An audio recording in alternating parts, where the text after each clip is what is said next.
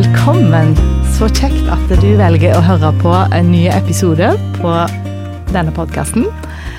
Nå sitter jeg her i studio og har fått med meg en fantastisk gjest som jeg har gleda meg masse til, og egentlig hatt lenge på ønskelista mi. Velkommen, Marianne Brattjer. Tusen takk. Ja. Du, du har eh, reist langt for å komme her? Nei da. Nei. Hvor er du ifra? Mm -hmm. Jeg er ifra Jæren, ifra mm. Vigrestad. Mm. Født og oppvokst der. Men så har vi flytta, eller flytta til Trøndelag i 2010. Så mm. der er vi bytt. Eh, jeg er gift da med Andreas Brattjer, eh, og vi har tre unger. Mm. På Isak Ella Møyfri på 18, 16 og 14 år, da. Ja. Så vi har bodd i Trøndelag nå de siste 13 åra. Mm. Ja. ja. Og meg og du har vært venner på Facebook lenge. Jeg, jeg har fulgt deg lenge og hatt lenge på ønskelista mi å få intervjua deg. Ja. ja. For du er eh, på Facebook ei ganske aktiv dame. Ja, ja og, og, kjent for en litt spesiell sak der. Ja, eh, altså jeg har eh, engasjert meg i dette her som går på kjønnstematikken. Mm. Eh, og det var egentlig eh, noe som jeg opplevde å få et kall ifra Gud i 2019. Eh, der jeg opplevde egentlig å bruke min stemme, da. Og nå er jo jeg Nå sa ikke jeg det før, men jeg jobber i akademia. Mm. Jeg jobba i universitetssektoren da siden 2012. Mm. Og der er det sånn at vi har på en måte et særskilt vern i forhold til ytringsfrihet, og vi blir på en måte oppfordra til å eh, snakke om på en måte samfunnsaktuelle spørsmål, og at vi på en måte får fram sannheten, for universitetet var jo tufta på dette med sannhet, at sannheten skal fram. Eh, så jeg kjenner jo eh, Ja, i forhold til den jobben jeg har både som forsker og lærer, at da kunne jeg få lov å bruke på en måte min stemme i denne her kjønnsdebatten.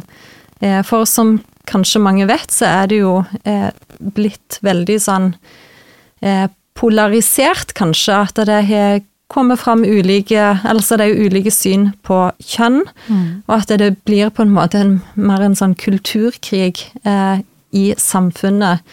Eh, og en ser jo sånn som i USA, så er det jo veldig der er det jo ekstremt polarisert, og jeg tror ikke vi har det sånn her i Norge, men eh, mitt formål er jo egentlig å få lov å eh, være en sånn formildende instans, og at en kan på en måte snakke om eh, ting som er viktig, uten at en på en måte går i den ene eller den andre grøfta, da.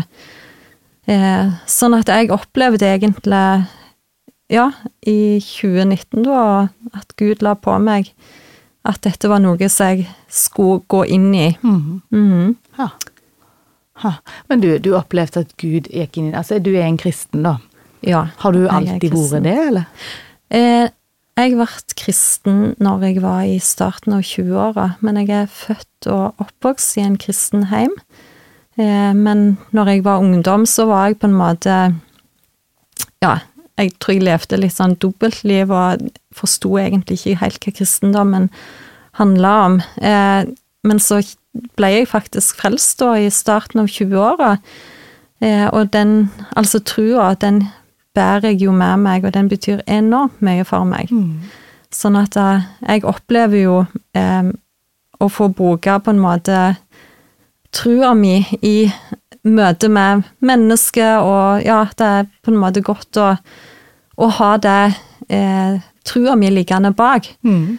Eh, og så opplever jo ikke jeg heller det er noe sånn motsetning eh, med min jobb i akademia, for jeg tror at all sann kunnskap kommer ifra Gud.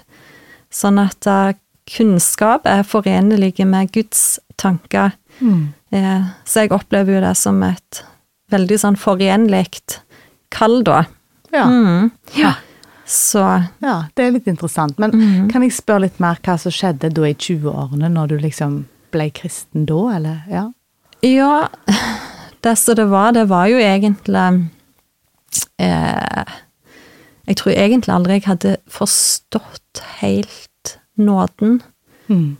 Jeg tror ikke jeg hadde forstått på en måte hvor stor Guds kjærlighet er.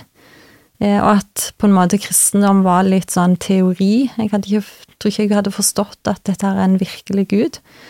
Eh, sånn at jeg var ute Litt der som jeg sa, at jeg levde et litt sånn dobbeltliv. Jeg tror jeg ville kalle meg kristen, men jeg var jo ute og drakk. Jeg var på en måte samboer og ja, levde på en måte et liv som jeg tenker ikke er på en måte eh, forenlig med altså Guds ordninger, da.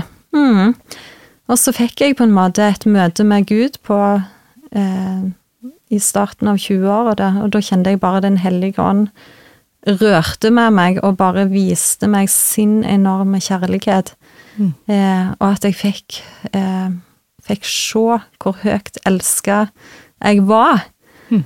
Eh, og at på en måte Guds ordninger er gode. Eh, og da fikk jeg en sånn enorm trang til å lese, for jeg har alltid likt godt å lese. Og når jeg ble kristen, da, så leste jeg kjempemye. Jeg hadde jo sånn fem andagsbøker hver dag. så jeg leser, og jeg leser ja, masse i Bibelen og sånn. Mm. Og jeg oppdagte da at oi, liksom Bibelen, den er jo god. Mm. Og jeg pleier å si det at Bibelen er ei helsetrøye. Det er på en måte ikke ei tvangstrøye. Ja. Og at alt Guds ordninger, det er jo godt for oss. Og da hadde hadde jeg på en måte levd litt det der dobbeltlivet og sett at hvor destruktivt mange av måtene jeg hadde levd på før, var da. Mm. Og så kjente jeg bare, når jeg begynte å på en måte leve i tråd med Guds ordninger, så kjente jeg bare Jeg ble sånn lykkelig mm. på det innerste. Det var bare Jeg ble fulgt med en sånn enorm kjærlighet. Mm. Eh, og jeg opplevde å bli satt i frihet. Og det har det egentlig vært helt, helt siden jeg på en måte ble frelst. Ja. Eh, og så har jeg jo hatt perioder der det har vært tyngre å lese og sånt. Mm. Jeg tenker Gud fører oss av og til ut litt i ørken, og, mm. og så henter han oss inn igjen. Og det mm. har jeg opplevd, jeg òg. Mm. Og så kan jeg faktisk si det at i 2014 så opplevde jeg faktisk en ny oppvåkning. For da hadde jeg det var mye travelt i livet og sånn. Jeg hadde vært lenge vekke fra ordet og sånn. Mm. Og jeg kjente bare at Gud la på meg så i forhold til å bruke tid på Guds ord, lese i Bibelen. Mm -hmm. Så da fikk jeg litt av den der samme trangen som jeg hadde når jeg ble frelst.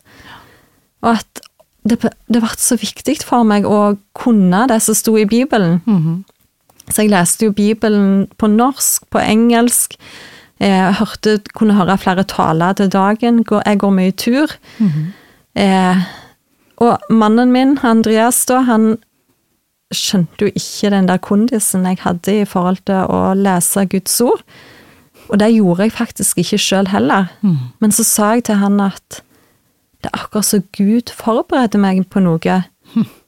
Og så vet jeg egentlig ikke hva det er, men det føles ut som Gud ruster opp sin hær og jeg skjønner egentlig ikke hva det er, men jeg, det føles så viktig ut at jeg skal kunne Bibelen og være fulgt av Guds ord. Mm. Og dette var i 2014, mm. og så gikk det fem år. I 2019 mm. så på en måte viste Gud meg hva en skulle gjøre. Hm. Og det syns jeg er litt sånn fascinerende å se. Mm. På en måte at Gud måtte faktisk bruke fem år mm. på å forberede på en måte grunnen, og jeg hadde aldri kunnet gått ut i denne her eh, debatten, kjønnsdebatten, hvis jeg ikke hadde vært forankra i ordet og på en måte kjent ordet. Mm -hmm. eh, så det tror jeg var på en måte Guds ferdiglagte gjerninger. Mm. Kunne du overhørt det, tror du? Ikke vært lydige på det, eller? Eller var det en sånn, Du beskriver det som en sånn drive? Ja, jeg tenker, ja. i Filipperne 2,4 mm -hmm. så står det at det er Gud som virker i oss, både mm. å ville og virke for Hans rikes arbeid. Ja. Så jeg tror at når vi kjenner en sånn trang, mm. så er det en lyst. Det er på en måte noe som Gud legger i oss, at vi faktisk har lyst til å gjøre det. Og jeg tenker at det er For meg som har det kristne verdensbildet, så tenker jeg det er Den hellige ånd ja. som er med å skape den lysta. For jeg, det var jo noe jeg hadde ville. Mm. Mm. Og det har jeg kjent hele tida, at mm. dette her syns jeg er interessant. Jeg liker å lese, og jeg liker å fordype meg i ting, og, Mm. og at det er på en måte noe Gud kan bruke, da. Mm. Mm. Mm. Kult. Men du, når du da liksom eh, argumenterer, eller du står i den kampen, på en måte, Mm. da bruker du ikke disse argumentene. Bibelen har sagt, eller Gud har sagt det. Nei, altså jeg er jo utdanna forsker. Jeg har jo en doktorgrad i profesjonspraksis, og jeg er jo litt eller jeg er jo opptatt dette med kunnskap, Yes. vitenskap, vitenskapsfilosofi. Ja. Eh, sånn at da når jeg på en måte argumenterer på et litt sånn overordna plan, når jeg er ute og har foredrag og sånn, Mm. så bruker jeg vitenskapelige argument. ja. Eh, og jeg går inn i mer den vitenskapsfilosofiske delen og idéhistorie for å vise hvor er det dette tankesettet kommer ifra. Mm. Og at vi òg har en bedre historie å fortelle, da. Eh, sånn at det har jeg på en måte vært bevisst på hele tida. Eh, men så pleier jeg å si at det er litt forskjell, for når jeg er ute og har foredrag, eh, så snakker jeg på en måte mer generelt. Sant? Jeg bruker med sant, vitenskap, logiske argument, og prøver å vise på en måte inkonsekvensen i, i dette her tankesettet som har kommet med det subjektive kjønnsforståelsen. Mm. Eh, men når jeg møter enkeltmennesker, sant, for jeg tenker det er når vi møter mennesker på det individuelle planet, Mm. eh, så går jeg fram på en litt annen måte. Mm. Og jeg tenker at det er kjempeviktig at vi bruker tid på å bygge relasjoner. Og selv med de vi ikke er enige i, så tenker jeg jeg vil gjerne på en måte bli en venn. Mm. Og bli kjent med og høre hvordan de har det, og ja. Mm. Så jeg er veldig åpen for å på en måte møte andre som har et annet utgangspunkt enn meg, Mm. og et annet livssyn. Mm. Eh, og så tenker jeg kanskje eh, kan vi lære noe av hverandre i den dialogen. Mm. Eh, sånn at da går jeg ofte fram på en helt annen måte. Ja. Og så er det jo litt sånn at når en da har en relasjon og har tillit, da tåler en òg at en kan utfordre hverandre uten at en liksom eh, ja, kategoriserer den andre som hatefull eller transfobisk og alt dette her, da. Mm. Mm. Ja. Hm. Men du, når du Men du, sier jeg. Ja.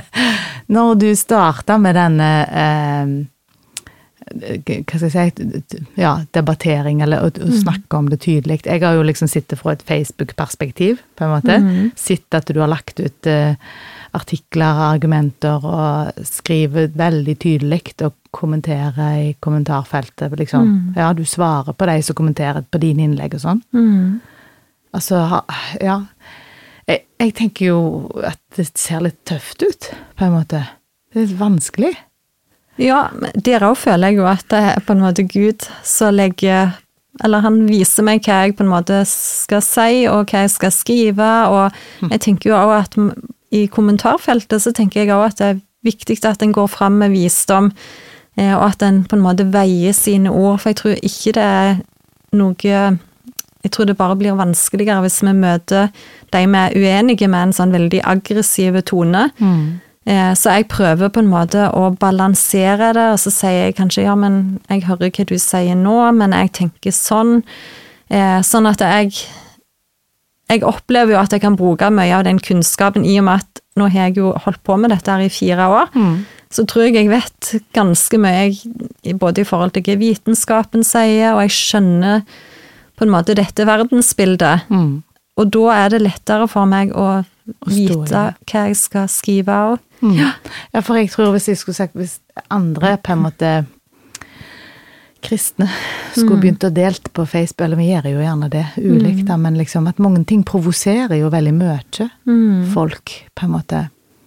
Ja. Ja, Og vi kan vekke mye hat, eller unødig hat, mot oss sjøl, tror du? Er det ja jeg tenker her òg må en jo gå klokt fram, og det er klart at det er jo det jo, Når det er på sosiale medier, så vet en jo egentlig ikke helt hvordan det blir mottatt. mm.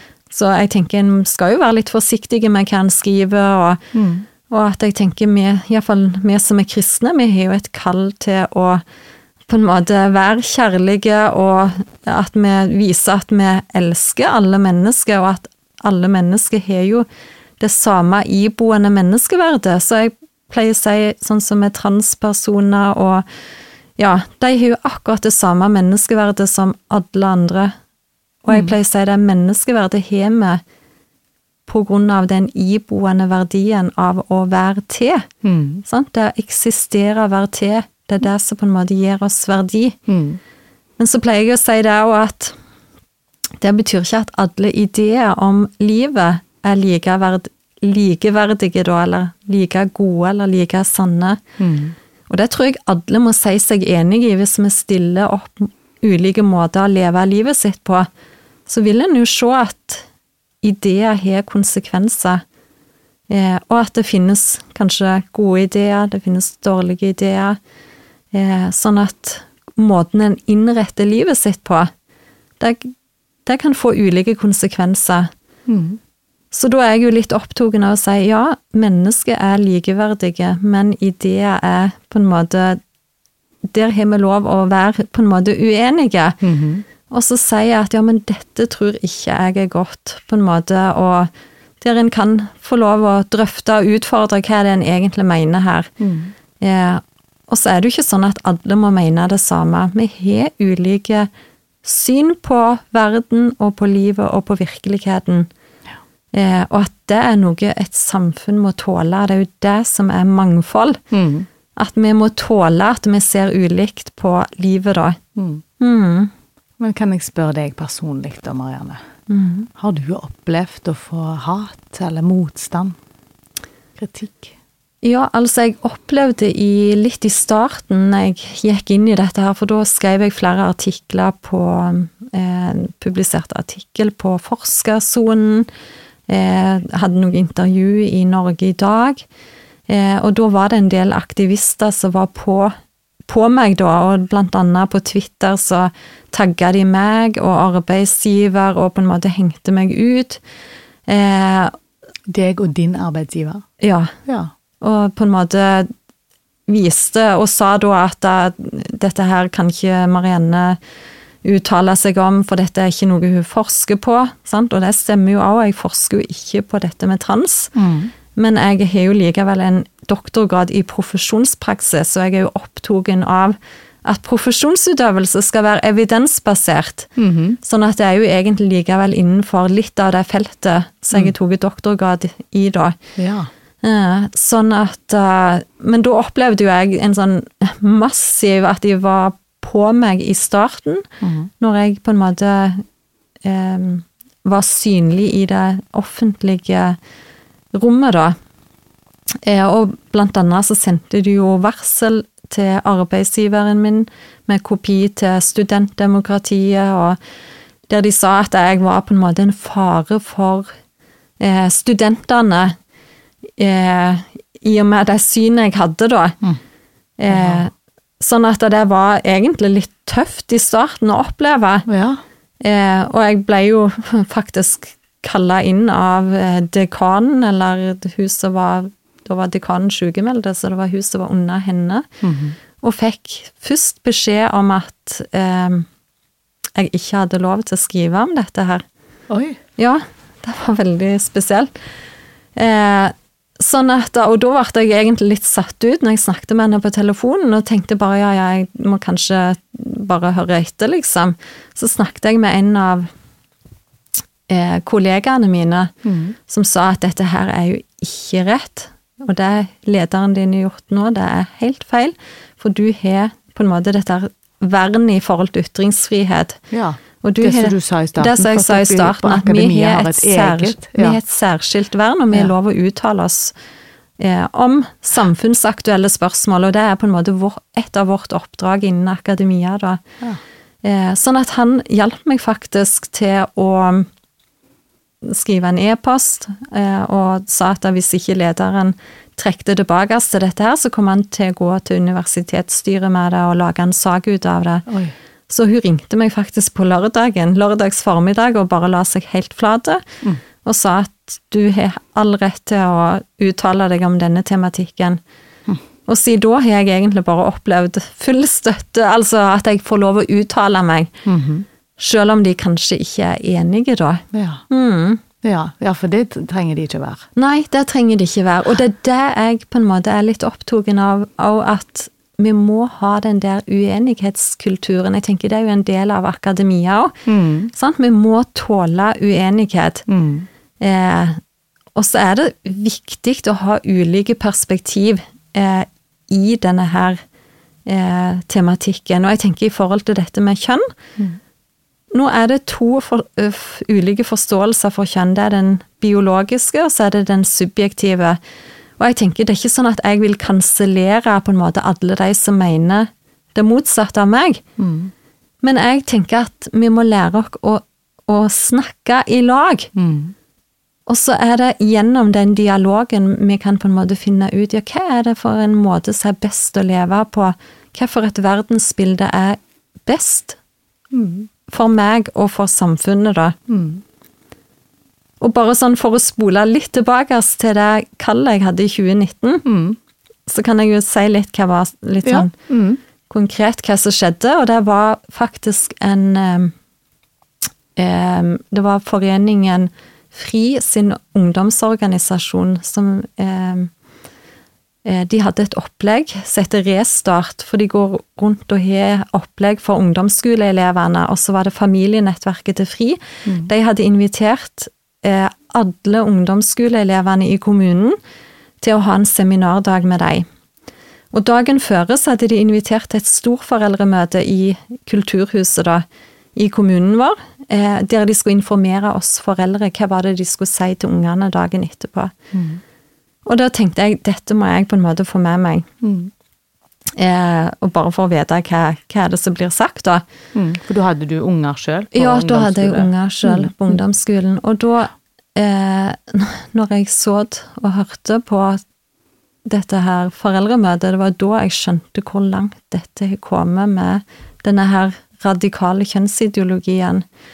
Eh, For da var det ikke snakk om lesbiske og homofile sine rettigheter og ingenting. Den kampen anser de da som mest vonden, da. Mm. Og at alt handla om dette med kjønn. Så de sa jo helt konkret til foreldrene at hvis gutten din på sju år kommer hjem og forteller at han er det motsatte kjønnet, at han er jente, så er det ikke gutten det er noe feil med, men det er på en måte vi som er foreldre, at det utfordrer våre normer i forhold til kjønn. Så sa de òg at blant annet de viste til en undersøkelse som ikke er publisert, vet jeg, at 30% tar livet sitt hvis de ikke blir bekrefta for det kjønnet. Og det sa de til oss foreldre, og hvor viktig Oi. det var at vi som foreldre bekrefta de i det kjønnet da. Og de sa òg at denne her behandlinga, kjønnsbekreftende behandling, er effektiv og virksom, eh, og at da kan ungene få bli den autentiske jeg, og at hjernen er sjefen da, og at hjernen vet mye bedre hvem du er enn kroppen vår. Eh, Og jeg, jeg var jo helt sjokka, for jeg tenkte jeg visste jo litt, og jeg visste jo at dette her stemmer jo ikke. Og da så, så det en fullsatt sal med foreldre, og de så det jo og klappa, og det var ingen sånn kritiske motstemmer. Og jeg tenkte bare dette her er Det er jo ikke sånn vi kan ha det. Og det var da jeg opplevde å få et konkret kall. Mm. Jeg var ute og gikk en fjelltur, og jeg kjente bare Jeg var helt sånn urolig i kroppen, og kjente bare dette her liksom Noen må gjøre noe i forhold til dette. Og da opplevde jeg at Gud på en måte viste meg et bilde på med David og Goliat, faktisk. Mm. Og så sa Gud at nå skal du få lov å gå som David, og jeg skal være med deg. Eh, og at dette er på en måte ikke din kamp, men dette er min kamp, og at du skal bare stille deg opp, og så skal du se at jeg på en måte eh, kjemper for deg, da. Så det som var veldig spesielt, det var at da, eh, dagen etterpå så fikk jeg det så for meg at jeg skulle kontakte ordfører eh, og skoleledelsen, kommunalsjef for oppvekst og opplæring. Så jeg hadde to forskjellige møter med dem, og jeg hadde ikke, no, jeg hadde ikke forberedt noe. Jeg tenkte bare hvis, hvis det er dette Gud vil, Mhm. så må han bare hjelpe meg. Så jeg kom der uten noen ting og bare sa jeg ville ha et møte. Og snakket med dem og hadde to kjempefine møter, og da la jeg det fram som det som jeg sa med at vi, vi må på en måte Når det er så kontroversielt, Mm. Så må vi kunne ha noen motstemmer. For det er jo ikke det Jeg mener jo at ut, fri, Foreningen FRI har jo ytringsfrihet, Mm. men det de sa var direkte feil. Og jeg tenker da burde en hatt det som en sånn Debatt. paneldebatt, eller at en hadde møtt noen motstemmer. Mm. For jeg syns det var skummelt at jeg kunne få lov å stå og si dette her, og uten at det var noen som på en måte korrigerte de, og at en på en måte fikk en dialog rundt dette her. Så både ordfører, kommunalsjef og oppvekst og opplæring, de var helt enige med meg. Så de støtta meg faktisk på det, da. Ja.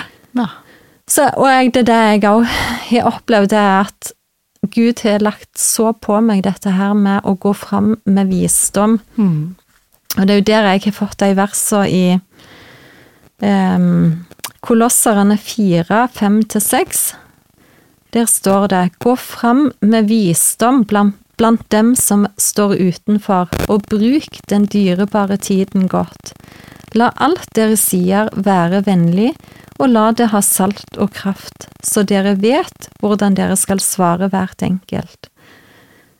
Og jeg tenker det er kjempeviktig det er at vi som er kristne, at vi går fram på en god og vennlige måte, Mm. og at vi ikke liksom er med og skaper den her polarisering og aggresjonen, og, Mm. ja, og at vi møter mennesker der de er, at vi blir venner med på en måte de som er uenige med, og, og at vi kan vise noe av det Kristi sinnelag, da. Mm. Samtidig som en står på sannheten. Mm. At en skal være sannheten tro i kjærlighet, Ja. står det. Ja, stemmer. Og jeg tenker at der er vi kalt til å stå, Mm. og at vi skal møte på en måte enkeltindivid på en god måte. Mm. Og det gjelder når vi, hvis vi engasjerer oss på sosiale medier òg, at det, vi på en måte skal vise noe av kjærligheten bak. Og så Det er helt greit at vi er uenige, og det er helt greit at vi ser ulikt på livet. Eh, og det må vi lære oss å tåle, og det må gå begge veier, tenker jeg. Mm. Mm. Men tenker du at vi må ha et kall for å på en måte være med i denne debatten, eller å stå på Guds ord i dag, på en måte? Ja, nei, altså jeg tenker, nå har jo jeg fått et konkret Mm, kall, og jeg tenker alle kan ikke stå i fronten. Nei. For nå føler jo, jeg føler jo at jeg står litt i fronten, og så har vi ulike oppgaver. Mm. Og jeg tenker Som kristne så tenker en jo at en er ett legeme, og det er Jesus som er hodet. Mm. Så vi er ulike lemmer på legemet, Mm. og vi har ulike oppgaver og funksjoner. Mm. Men jeg tror det er viktig at vi alle på en måte engasjerer oss i dette, og at vi kan være med og fortelle ei bedre historie om kjønn, da. At vi kan vise på en måte at mye av den subjektive kjønnsforståelsen, den skaper egentlig total forvirring. Eh, både til oss voksne, men ikke minst til barn, da. Som blir lært at de kan på en måte velge sitt eget kjønn. Og så jeg tenker vi har oppgave der vi er satt. Eh, alle skal ikke være på sosiale medier heller. Kanskje handler det om en nabo du kjenner, kanskje handler det om en kollega. Eh, FAU, sant? at du tager, snakker med FAU hvis det er ting på skolen din, eller engasjere lokalpolitikere til å på en måte få en dialog i samfunnet Mm. i forhold til disse måtene å forstå kjønn på. Mm. Eh, For jeg er kjempeopptatt av at vi som kristne vi skal ikke drive kanselleringskultur andre veien. Nei, hva mener du da? Det må du forklare mer. Ja, for nå er det jo sånn at Norge, landet Norge, har bestemt med lovverk at det er den subjektive kjønnsforståelsen som skal gjelde. Helt ifra 2013, så det er over ti år siden det ble vedtatt. Mm. Eh, Så vi bør egentlig ikke bli forundra av at dette kom inn i skolen. Eh, Sånn at dette her er en konsekvens av folkevalgte og som har bestemt at det er sånn vi skal ha det i Norge. Eh, Og så tenker jeg da at vi kan utfordre og, og prøve å reversere denne utviklinga. Eh, Men i Norge har vi jo ytringsfrihet, og jeg tror at hvis vi bare kansellerer og sier at alt dette her vil jeg ikke ha noe med, eh, så skaper det bare enda mer på en måte aggresjon. Mm. og enda mer polarisering. Så jeg tror at hvis vi går klokt fram her òg, og at vi sier ok, nå er det faktisk sånn at folkevalgte i Norge, det er faktisk bestemt at det er denne subjektive kjønnsopplevelsen eller virkelighetsforståelsen som skal gjelde, eh, men den ønsker vi å utfordre. Ja. Og at da må vi på en måte vise at vi har et annet alternativ, og at vi ønsker å gå tilbake til den biologiske forståelsen for kjønn, da. Eh, Så det er jo jeg litt opptatt av, og da må en jo selvfølgelig se an, for hvis en har unger i sant, barnehage og skole, så må en jo ta en vurdering på er de modne nok til å på en måte høre dette. Eh, Kanskje må en faktisk ta de ut, eh, be om å få fritak for ting fra skolen.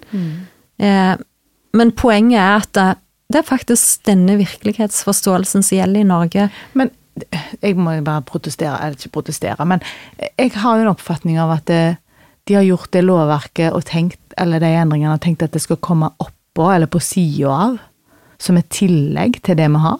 Nei. Hvis du forstår hva jeg Ja, mener? At- det- at det er jo liksom- det mange at, Ja, at man har tenkt at vi har den biologiske, og så har vi bare ikke så godtatt at noen andre Mm. At det er rom for de som oppfatter seg som et annet kjønn. Nå er ikke det mulig liksom, å ha begge to forståelsene, eller Ja, altså nei, lovverket per i dag har egentlig sagt at i dag er det den subjektive kjønnsforståelsen som skal gjelde. Den har forrang foran den, Den har forrang for den biologiske. Okay. Men det betyr jo ikke at det kan finnes mennesker som mener at vi, vi tenker biologi er viktig da. Ja, ja. Ja, men, men det er faktisk kommet så langt, og Norge er jo det mest hva skal jeg si, progressive landet i hele verden i forhold til dette med eh, juridisk kjønnsskifte. For Norge er jo det eneste landet i verden som, der en kan endre juridisk kjønn uten noe medisinsk eller psykologisk vurdering.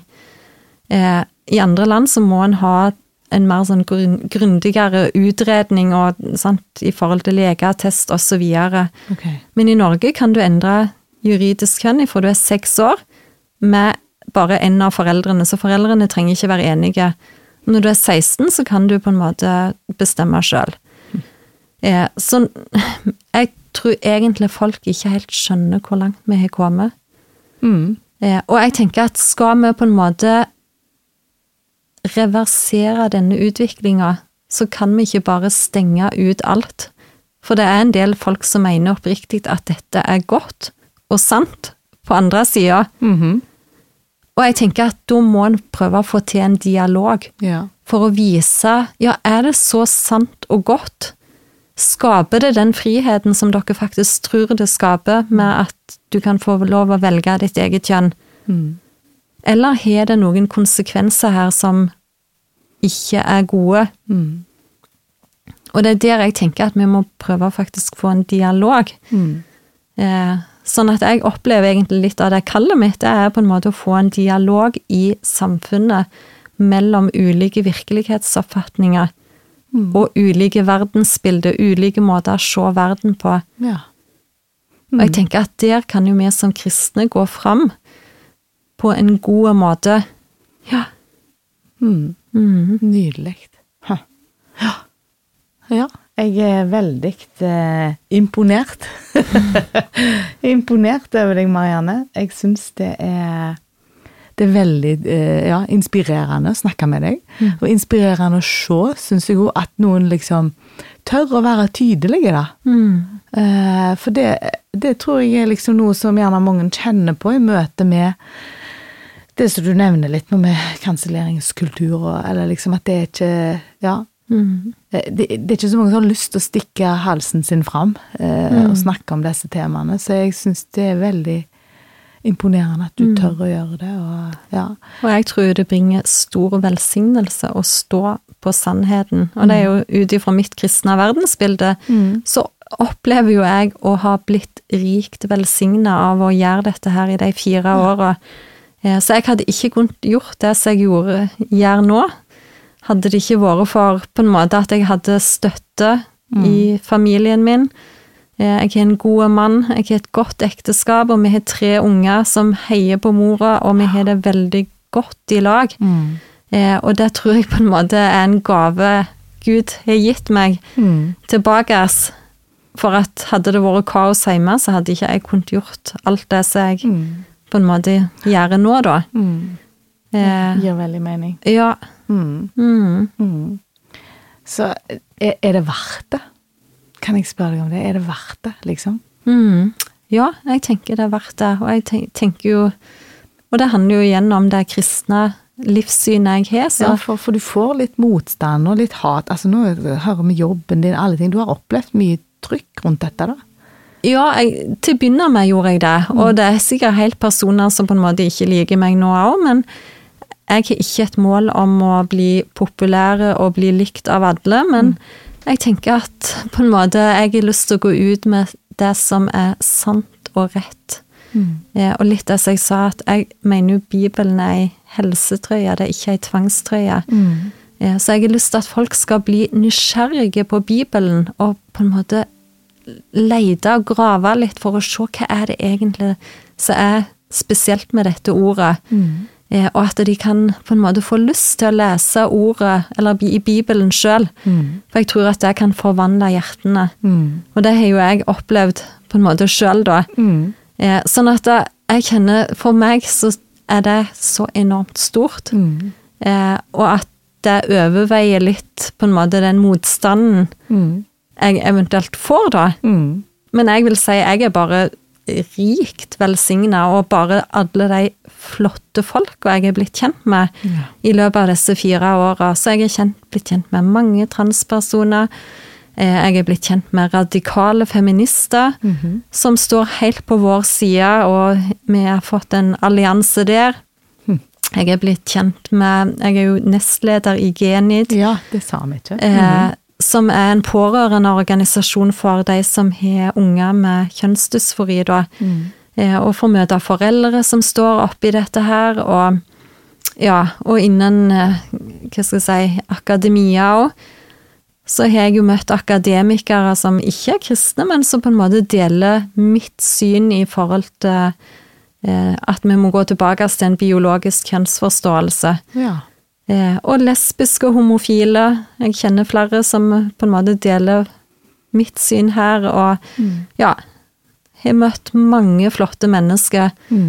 Så jeg ser jo på det som veldig, veldig rikt, det å få møte eh, ulike typer mennesker. Mm. Og bli kjent med dem. For jeg tror jo liksom hver eneste skapning er på en måte helt unike og spesielle.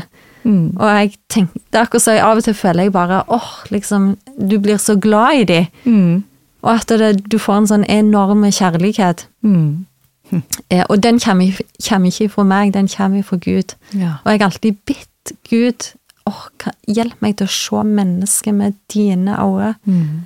eh, og ikke mine, for mine øyne er jo ofte så egoistiske og ja, tenker mye på meg sjøl, men når du ber Gud om å få se mennesket med hans øyne, Mm. så blir du på en måte glad i alle folk, Mm. sjøl de du er på en måte uenige med. Mm. Så det syns jeg bare har vært ja, helt fantastisk. Mm. Utrolig inspirerende å høre på deg. Og det er jo det, Du har vært litt rundt i nærområdet her og hatt forskjellige foredrag. Mm. Så mange av dem blir sikkert eh, gjort opptak av, tror jeg, og ligger ute på Ja. ulike forsamlinger. Hvor hen var du du har vært? Ja, jeg har vært i forrige uke var jeg jo familiekirka i Sandnes. Der òg ligger det opptak der, hvis dere går inn på Facebook. Mm. Jeg var på eh, Kvinner i nettverk Rogaland Mm. i Stavanger, og har vært i Ølensvåg eh, og snakket der, og her på Karmøy på Vea. Mm. I går hadde jeg jo to forskjellige opplegg, og det var det var fullt hus Mm. alle plasser, og det har vært så mange gode tilbakemeldinger, og der de sier at de opplever liksom eh, Ja, at de får kunnskap, og de på en måte får eh, motivasjon til å på en måte gå ut og ha denne her dialogen i samfunnet og tørre å stå på sannhet, eh, og samtidig å gå fram i visdom og klokskap. Mm. For det er jo det vi er kalt til. Vi er ikke kalt til å bare høvle ned og Nei. på en måte si vårt syn. Mm. Så jeg tenker vi har en enorm mulighet der til å fortelle ei bedre historie. Ja. Mm. Nydelig. Så med vennlighet, som du sa, og så med Ja. salt og kraft. ja. At det da er litt Ja, hva er det det symboliserer? Salt og kraft? Nei, jeg tenker jo altså Når du er salt, det er jo på en måte med å rense. Mm. Og da tenker jeg det kan av og til være litt vondt å få litt salt i Mm. seg. Og det er derfor jeg tenker dette her med vennlighet kommer først. Ja. Sant? Du må bygge tillit, du må bygge allianse. Og så har du lov å på en måte utfordre litt tanker og ideer, hvordan en ser på livet. Og så kan en gjerne fortelle litt ja, hva er Guds gode ordninger. Mm. Eh, og det er jo litt det som jeg sjøl har opplevd i livet mitt, etter jeg sjøl ble frelst. Mm. Så har jeg bare sett hvor rikt livet er blitt. Mhm. Eh, og at Guds ordninger, de er jo gode. Mm. Og det, er, og det er jo det jeg kjenner jeg brenner for at andre folk skal få lov å se. Mm. At vi er på en måte skapt i Guds bilde. Mm. Og vi er hele mennesker. Mm. Og at det skal være på en måte en slags harmoni mellom sjel og kropp. Mm. Gud ønsker at det skal være en harmoni der. Mm. Og så er det jo sånn at, og det kan jeg jo kjenne sjøl, at av og til kan jeg få noen sånn løgntanker om meg sjøl. Mm. Sant? Mm. Du er ikke god nok, du er ikke fin nok, du er Mm. ikke verdt å elske, alt dette her. Men det tenker jeg, det er ikke fra Gud. Mm. Det er fra den onde.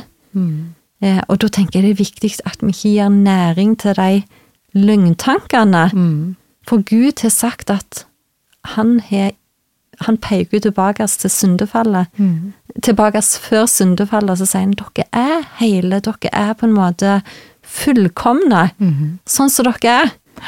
Og da skal vi ikke høre på de der løgntankene som vil så i tvil om at, at vi er skapt i Guds bilde, Mm. og at på en måte vi er skapt vakre. Mhm.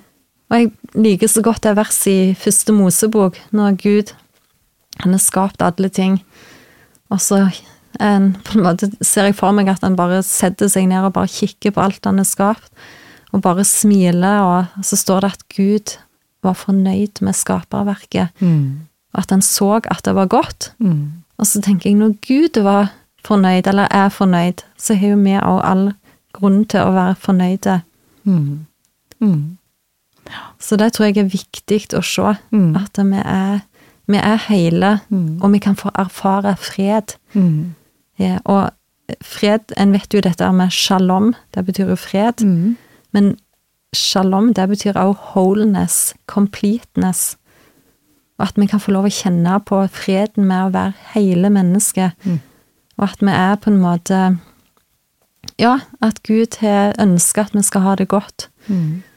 Med oss sjøl, da, og med Mm. på en måte de i nærmiljøet. Mm. Mm. Jeg syns det er utrolig tøft, Marianne, at du er så klar på å si liksom at eh, Guds ordninger er så gode. Mm. For jeg opplever at det er gjerne en ting og det verset som du trekker fram fra kolosserne, at det er liksom noe vi skal si ut til de utenfor. Hvis du skjønner. For, for jeg tenker at vi har vært så vant med akkurat så Eller nå snakker jeg for meg sjøl sikkert, men at vi tenker at i de kristne miljøene så kan vi snakke om Guds ordninger. Ja. Sant? Til de kristne, og de som har velgt, liksom. Men de utenfor, så toner vi ned det budskapet om Guds ordninger. Eh, og så snakker vi bare om Guds kjærlighet, på en måte, til de utenfor. Mens du går litt rakt imot, på en måte, eller, ja, eller du sier iallfall at ja, Guds ordninger er gode, det kan vi rope høyt om, på en måte, eller ja. Ja, Ja, jeg, jeg er det kult. Ja. og jeg tror det er viktig at vi gjør det, for jeg tror mange i dag roper etter mening. Eh, og det ser en jo egentlig, det er jo veldig interessant å se på statistikken i forhold til psykisk helse. Sant? Det er jo et sånn paradoks, for vi jo aldri Vi jo, ser på oss sjøl som en sånn kunnskapsnasjon, og det produseres kjempemye forskning innenfor det, eh, dette feltet, da. Mhm. Men det som er interessant, er jo at den psykiske helsa den går jo bare ned, og spesielt blant ungdommer. Mm. Så ser en jo at da, folk har det jo ikke godt. Mm. Og så tenker jeg, hva handler det om? Og jeg tror dette handler om på en måte verdensbildet. At det, det sekulære verdensbildet, det, da er det opp til individet å skape mening, og på en måte det er du som har ansvar for å på en måte gi mening til ditt eget liv og utforme ditt eget livsprosjekt. Mm. Og det mener jeg er et, det er et altfor stort ansvar å legge på mennesket. Og at det er altfor tungt å gå og mm. bære, iallfall hvis du skal gjøre det alene. Mm. Og så tenker jeg, hva med det kristne verdensbildet, og så sier Gud at jeg har lagt ned mening i alt det skapte. Mm. Og det finnes en iboende mening. Mm denne mening er noe som vi kan oppdage. Det er ikke noe vi skal skape, men vi kan få lov å oppdage det Gud har allerede laga. Eh, og at dette er noe vi skal gjøre i fellesskap. Eh, og jeg pleier å si det, sånn som det individualistiske samfunnet vi lever i i dag, så ser vi jo ofte på dette med avhengighet som noe negativt. Mm. For vi vil liksom opp og fram, vi skal klare oss selv, vi skal ha kontroll. Og uavhengige. Mm. Men jeg sier avhengighet er jo noe positivt, og det er noe som ligger iboende i naturen. Og jeg pleier å si det nå, Tenk når en unge blir født. Den nye skapningen, han er helt avhengig av voksne eller sine foreldre til å leve. Mm. Og så sånn er det jo når en blir syk, når en ligger på det siste, mm. så er en helt avhengig av andre mennesker. Så det viser at det ligger noe i naturen vår eh, som gjør at vi er avhengige av hverandre som mennesker. Eh, og der det kristne verdensbildet bygger på et kollektivistisk menneskesyn, mm. ikke det individualistiske, og at vi er skapte for å på en måte være i lag, ha det godt. Mm. Og jeg pleier å si at det er egentlig et sånn hellig bånd mm. imellom oss. Mm. Og at vi er ikke skapte for å leve for oss sjøl, men vi er skapte for å leve i et fellesskap. Mm. Og jeg tror det er fellesskaper en kan finne mening, mm. eh, i tillegg til at det er iboende mening i alt det skapte. Mm. Så jeg tror på en måte Vi har liksom vi tenker vi er så kloke og smarte, og så bare legger vi kristendommen på hylla. Mm. Og så glemmer vi at det, ja, de store, dype skattene, de er jo egentlig i det kristne verdensbildet. Mm. Og at vi kan få lov å få, fortelle ei bedre historie mm. til mange av de som roper etter mening og mm. hensikt med livet. Ja. Og si at ja, men det er jo en mening med livet ditt. Kom til oss, på en mm. måte. Kom i fellesskap med oss. Mm så kan du få kjenne at du er skapt for en grunn, mm. og at Gud har en mening med livet ditt, og at han vil velsigne deg rikt. Mm. Eh, og at mine ordninger, sier Gud, de er gode. Så hvis du tør å på en måte prøve meg mm. på det, mm. så vil du bli rikt velsigna tilbake. Det kan virke som vi har hevet ut eh, babyen med badevannet, som vi sier. Ja. At det var kanskje litt skittent badevann etter mm. den kristne eh, på en måte kulturen òg, når det var mm. rådende her. sant? At det var ikke problemfritt, det heller, og at mm. man hadde lyst til å bli kvitt det. På en ja. måte så har man hevet ut hele babyen med badevannet, som man sier. Ja. Mm -hmm. Jeg tror vi må gå mot en avslutning. Vi kunne snakket lenge. Det er kjempespennende å snakke med deg, Marianne. Kanskje vi kan snakke igjen en annen dag òg? Kanskje det. Mm. Jeg kommer gjerne tilbake. Altså. Ja, fantastisk. Jeg har lyst til å be litt for deg. Kan jeg få lov til det? Ja, gjerne det. Og utfordre deg som lytter òg, til å være med mm. og be for noe, Marianne.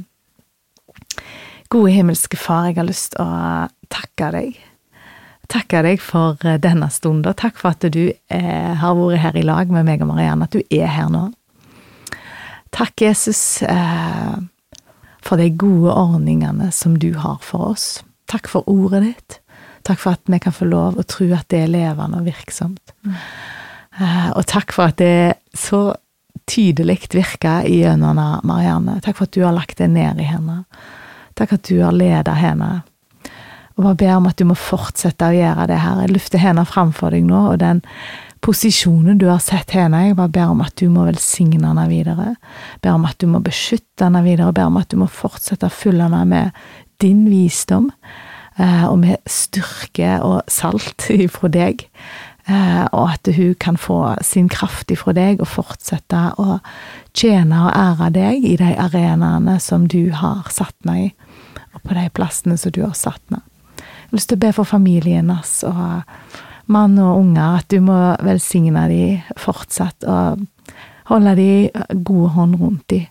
Eh, og jeg ber om at du må fortsette å åpne og lukke dører på Marianne sin vei. At hun ser tydelig hvor du leder henne, og hvor du vil ha henne. Eh, og at hun fortsetter å være lydhør for deg og din ledelse her, og at, eh, ja, at hun kan få lov å være med å løfte opp navnet ditt og peke på deg og de gode ordningene som du har for oss. Takk for den inspirasjonen hun får lov å være. Takk for at du bruker henne så godt og tydelig her, og bare ber om at du fortsetter å gjøre det. Og ber om beskyttelse for henne, og ber om velsignelse. At din kjærlighet må bare overøse henne, og at din fred får lov å fortsette å bo i henne, eh, og at hun er beskytta ifra ja, motstand og vanskelige tider, at du må bare lederne, henne, og sånn at du kan fortsette å løfte opp navnet ditt, Herre. Det ber vi om at ditt navn skal bli løftet opp, det er det vi ønsker. At dine ordninger skal få lov å virke på gode måter for alle mennesker, Herre. Og vi ber særskilt for det i Norge, og for lovverket eh, i Norge. Vi ber om at eh, ja, at vi kan nå fram med denne stemmen og med, med dette synspunktet. Uh, og at dine gode ordninger kan få lov å være gjeldende i Norge igjen. Det ber vi om i ditt navn, Jesus. Herren velsigne deg, Marianne. og Herren bevare deg. Herren løfter sitt ansikt mot deg og gir deg av sin nåde. Og Herren gir deg av sin fred. Amen. Tusen takk til deg som har lytta på. Send meg gjerne en eh, melding eller en tilbakemelding eller et spørsmål eller noe hvis du har noe du har lyst å eh, melde om eller uh, si ifra om. Ha det bra.